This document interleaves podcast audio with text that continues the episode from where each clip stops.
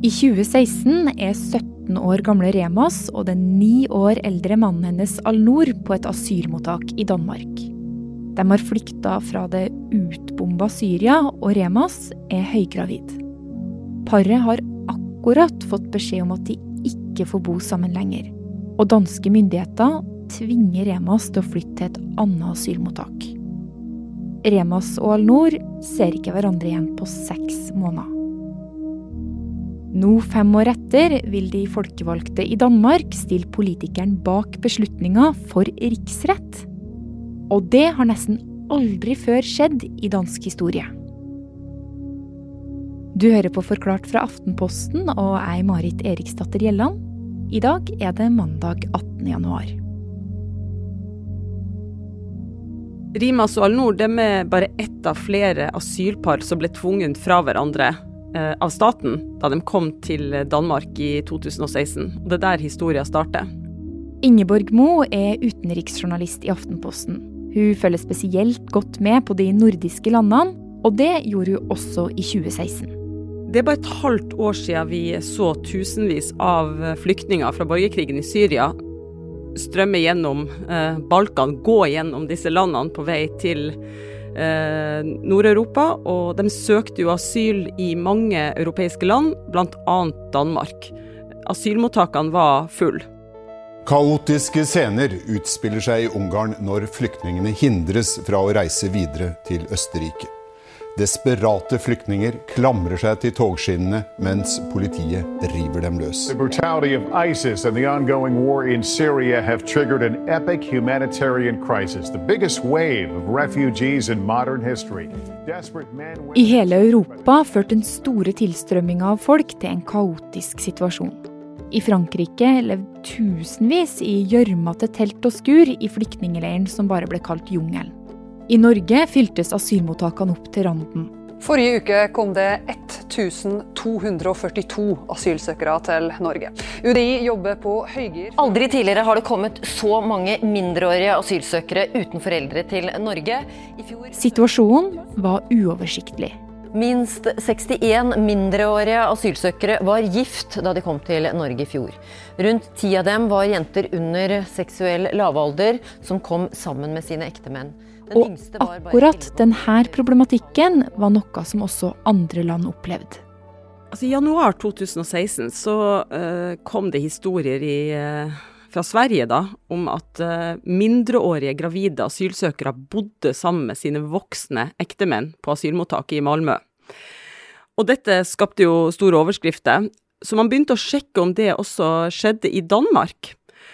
Og eh, pressen begynte å skrive om det, og det viste seg at det også fantes noen eksempler på det man kalte barnebruder i eh, danske asylmottak. Og det eh, sa da utlendingsminister Inge Støyberg at var uakseptabelt, det skulle ha slutt på med en gang. Ok, Så hva gjorde hun, hun da? 10.2.2016 så sendte departementet hennes ut ei pressemelding som på en måte har blitt uh, kjernen i denne historien, og som har, fått, uh, som har nå har blitt granska opp og ned og i mente. Og i den pressemeldinga så sto det at alle par hvor én var uten, under 18 år, og det vil jo da si jenta, skulle skilles. De skulle bo på hvert sitt asylmottak. Og ordningen skulle gjelde uten unntak. Altså dette skulle gjelde alle de parene som man fant uh, der én part var under 18 år, og alle skulle skilles med en gang. Hæ. Så egentlig så var intensjonen her god. Planen var å avsløre eh, barneekteskap. Ja, og både i Norge og Danmark så må man jo være 18 år for å gifte seg, og det er det jo gode grunner til. Hensikten med denne regelen til Inger Støyberg, det var jo å hindre at barn som blir tvunget til å gifte seg med en mann, også må leve med han på asylmottaket. Så på en måte man forstår jo uh, hvorfor hun ville gjøre dette. Men i seinere tid har det vist seg at det var ett stort problem med ordninga. Og det har fått store konsekvenser.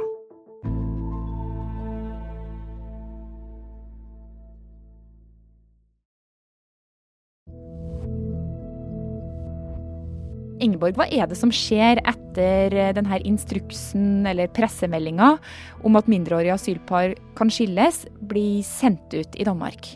Instruksen fra Inge Støyberg var jo klar, og hun ville at den skulle settes i verk med en gang. Så man eh, begynte da å, eh, å skulle skille de parene der én av partene var under 18 år. Vil si at de skulle bo på hvert sitt asylmottak mens asylsøknaden ble behandla. Men det kom jo en del innvendinger ganske snart, og det var ganske stor forskjell også på noen av disse parene. Noen var 17 og 19 år, hos andre var aldersforskjellen 15 år, men alle skulle behandles likt. Ja, så selv om du var sammen med ungdomskjæresten din, så kunne du risikere å bli skilt? Ja, du skulle det ifølge denne instruksen. Og hvis man ikke ville gjøre det frivillig, så, så, så, skulle det tvinges igjennom. Men du, Ingeborg, i ettertid så har det jo kommet noen historier fra noen av de her parene, hvordan de opplevde det å bli skilt. Hva er det som har kommet fram? historien eh, går jo på at en del opplevde dette som et overgrep. Altså selv om eh, det for oss framsto som kanskje eh, riktig at man skulle skille disse når det var en som var mindreårig, så var det noen som på en måte var jo traumatisert i utgangspunktet. Og det at staten grep inn på denne måten uten at de hadde noen mulighet til å protestere eller anke det, ble oppfatta som et overgrep. Folk ble deprimerte osv. Det er det hjelpeorganisasjonene har fortalt om. Men det er likevel ikke det som er årsaken til at det har blitt så stort rabalder etterpå. Til sammen så blir 23 par som venter på svar på asylsøknaden sin, skilt fra hverandre. Til danske media har Remas og Alnor i ettertid sagt at det var veldig vanskelig for dem. Og nettopp derfor så klaga de også avgjørelsen om at de ikke fikk bo sammen inn til den danske ombudsmannen, som undersøkte om loven var brutt. Og det var den. Problemet med instruksen var at den skulle gjelde uten unntak. Så det handler egentlig om på en måte forvaltning, eh, rettsstatsprinsipper osv. Hvert par skulle altså ikke vurderes for seg, eller de kunne ikke legge frem saken sin. Det skulle ikke gjøres forskjell på om det var stor aldersforskjell eller liten, om man hadde barn eller ikke, eller om det var andre forhold ved dette paret som kunne tilsi at man likevel kunne få bo sammen, eller om man skulle skilles. Så det er det eh, det hele koker ned til, i tillegg til spørsmålet om Inger Støyberg unnlot å høre på advarslene om at den instruksen var ulovlig. Det er det granskinga har gått på.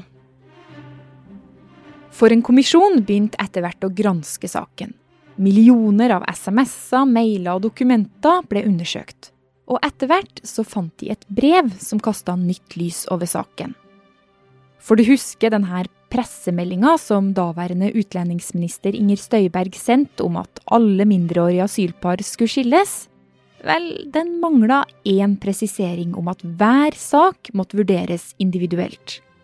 Og den presiseringa fant kommisjonen i et annet dokument. Men dette dokumentet hadde utlendingsmyndighetene aldri fått. Og dermed så fulgte de bare den ulovlige pressemeldinga. Så spørsmålet da ble ganske kjapt hvem som hadde skylda. Kommisjonen som har granska saken, og som da har finlest både SMS-er, mailer, dokumenter, alt mulig, de mener at Inger Støyberg lagde en instruks, en ordning uten unntak, selv om hun fikk beskjed om at det ville være ulovlig. Og så mener de også at hun ikke har svart riktig, at hun har villeda Folketinget, altså nasjonalforsamlinga, når hun har fått spørsmål om dette. For hun har fått 200 spørsmål om saken i Folketinget. Aha, så de mener at hun har rett og slett brutt loven med viten og vilje? Ja, selv om de eh, har ikke funnet bevis for at hun har gitt beskjed om å gjennomføre en ulovlig instruks, hvis du forstår. Mm. Altså, de har sagt at hun har eh, innført en instruks selv om hun fikk beskjed om at den ville være ulovlig.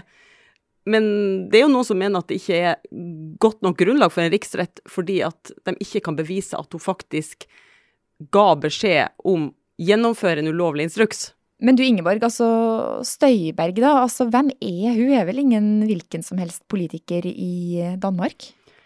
Inger Støyberg er en veldig kjent og profilert politiker, og har vært en veldig tydelig stemme også da hun satt eh, i regjering, spesielt selvfølgelig. Hun regnes jo som eh, den viktigste politikeren på innvandringsfeltet.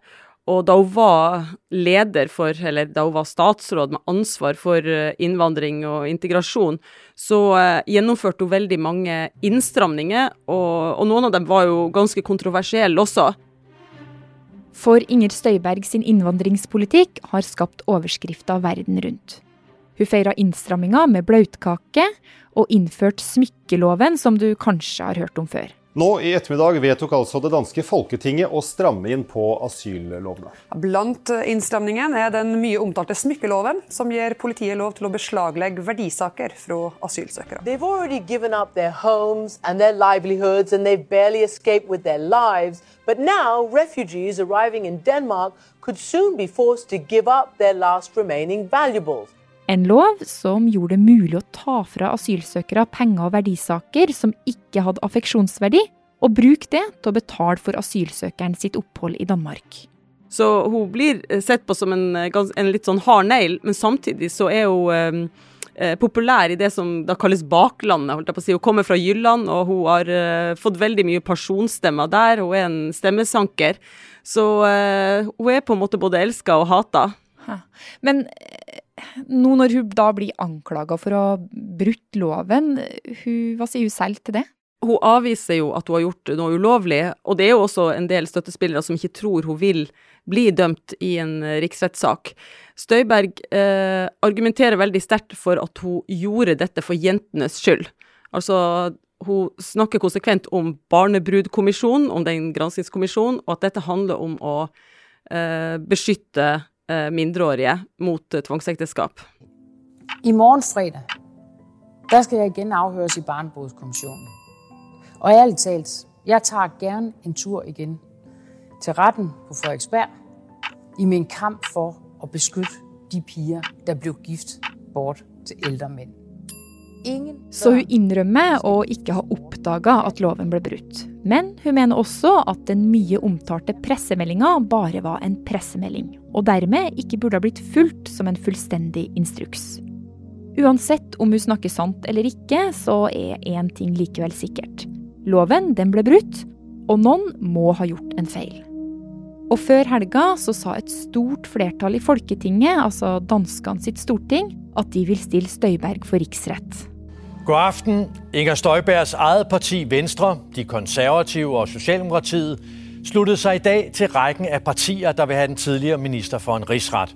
Og det er jo altså helt usædvanligt. Danske venstrepolitikeren og tidligere innvandringsministeren Inger Støyberg stilles for riksrett i Danmark. Det ble avgjort i formiddag etter at det ble flertall i Folketinget for riksrett. Og det er ikke akkurat hverdagskost i dansk politikk. Dette er jo sjette gang det blir en riksrettssak hvis nå Folketinget tar ut tiltale. Og sist gang det skjedde en slik sak var i 1995, så det skjer veldig sjelden. Og eh, det finnes jo også andre måter å på en måte straffe, da, i anførselstegn, eh, politikere som har gjort noe galt. Så, det er veldig spesielt at uh, saken har kommet så langt som det har gjort her. Ja, for det er litt vanskelig å forstå hvorfor riksrettssak? Det er jo noen ting som hører til veldig alvorlige saker, og er denne saken så alvorlig? Ja, det er kanskje litt vanskelig å forstå, og, men det virker jo da som det i bunn og grunn handler om det at uh, forvaltninga må være rettferdig og følge rettsstatsprinsipper. Og det er det på en måte det koker ned til. Så denne saken den har jo skapt store overskrifter i Danmark, men hva kan konsekvensene av en riksrettssak bli, da? Konsekvensen for Inger Støyberg kan jo bli at hun risikerer bøter eller betinga fengsel. Men eh, det har jo kanskje først og fremst eh, noen politiske konsekvenser. Altså det har skapt masse bråk internt i hennes parti. Eh, hennes tidligere sjef, statsminister, tidligere statsminister Lars Løkke Rasmussen, har jo til og med forlatt partiet sitt, for han syns jo at Inger Støyberg blir dårlig behandla. Så det er masse bråk i det partiet, som jo er et stort parti, stort tidligere regjeringsparti.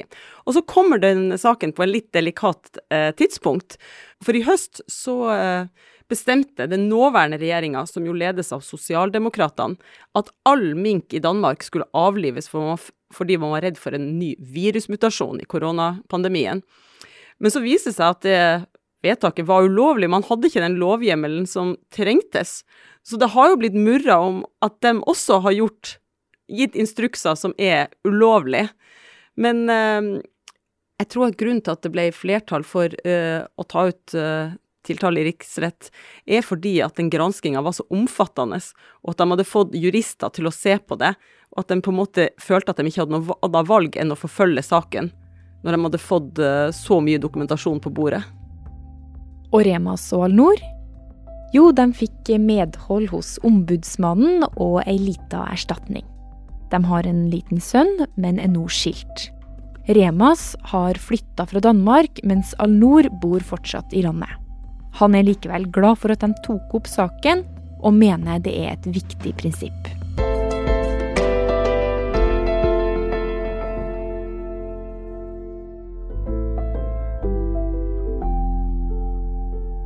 Forklart lages av David Vekoni, Ina Swan, Anne Lindholm, Karoline Fossland og meg, Marit Eriksdatter Gjelland.